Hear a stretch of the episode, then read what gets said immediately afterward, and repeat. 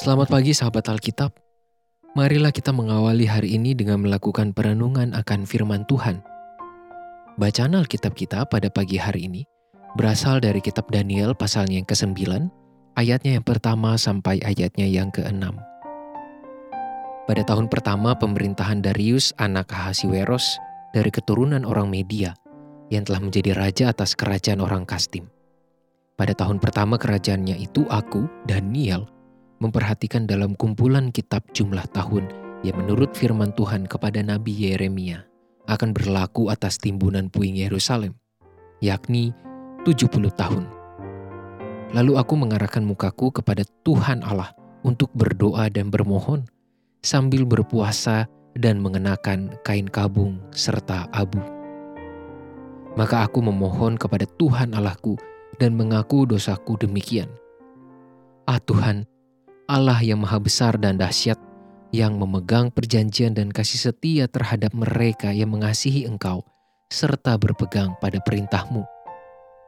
Kami telah berbuat dosa dan salah, kami telah berlaku fasik dan telah memberontak. Kami telah menyimpang dari perintah dan peraturanmu, dan kami tidak taat kepada hamba-hambamu, para nabi, yang telah berbicara atas namamu kepada raja-raja kami, kepada pemimpin-pemimpin kami, kepada bapak-bapak kami, dan kepada segenap rakyat negeri. Keenam ayat sebagai bacaan hari ini merupakan prolog yang memberikan kejelasan kepada para pembaca seperti kita tentang alasan rangkaian doa Daniel. Pada ayat-ayat berikutnya, kita akan melihat rentetan pengakuan dosa yang dilakukan oleh Daniel dan tujuan atas permintaannya kepada Tuhan Allah. Namun, pada bagian ini, kita melihat bagaimana firman Tuhan begitu menyadarkan dan memengaruhi Daniel untuk membangun sikap penyesalan di hadapan Tuhan itu sendiri. Daniel menggunakan kesempatan untuk mengakses firman Tuhan, memberikan perhatian, dan mengarahkan hatinya untuk menerima suara Allah. Sahabat Alkitab, pembukaan doa pengakuan dosa yang disampaikan Daniel kepada Allah berisikan beberapa konsep penting dalam keutuhan narasi Perjanjian Lama yang begitu erat hubungannya dengan tradisi kehidupan Israel kuno. Sejak awal, Daniel kembali mengakui sekaligus menegaskan tentang peran Allah ketika ia berkata, Allah yang maha besar dan dahsyat yang memegang perjanjian dan kasih setia. Penyebutan sifat sebagai gelar dari Allah yang maha besar dan dahsyat dan yang memegang janji dan kasih setia bukanlah sesuatu yang klise, melainkan menjadi sebuah pengakuan iman dan pengharapan pada saat yang bersamaan. Pembukaan pengakuan dosa Daniel ini pun menjadi perkataan dan tulisan yang berharga secara khusus bagi orang-orang Israel yang ada dalam pembuangan kerajaan Babel.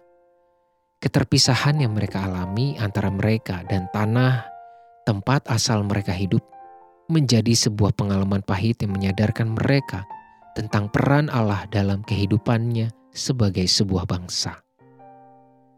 Bagi orang-orang Israel pada masa itu yang sedang berada dalam pembuangan, kehadiran dan peran Allah sebagai yang memegang perjanjian keselamatan menjadi sesuatu yang sangat berharga serta sangat dibutuhkan.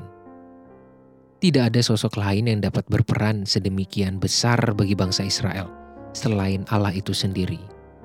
Pengakuan iman dan ungkapan pengharapan itu pun muncul dalam doa Daniel pasca pembacaan yang ia lakukan terhadap firman Tuhan. Sahabat Alkitab, akses terhadap firman Tuhan selayaknya menjadi sesuatu yang istimewa dan tidak dapat dianggap remeh.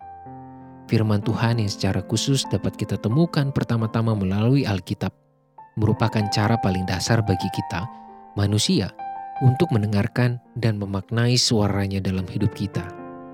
Kesadaran akan keberdosaan maupun pengakuan akan peran Tuhan dalam kehidupan seorang hanya dapat terjadi ketika ia memiliki ikatan yang personal dengan Tuhan dan firman Tuhan, menjadi akses yang membuka peluang itu semua terjadi. Kisah Daniel sudah menjadi teladan terkait hal tersebut. Apakah Anda siap untuk mengalaminya? Marilah kita berdoa.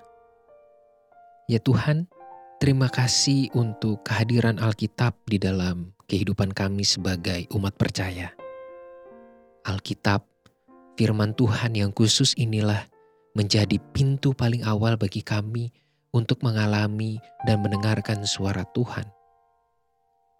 Namun, ada kalanya kami justru menganggap remeh kehadiran Alkitab di dalam kehidupan kami.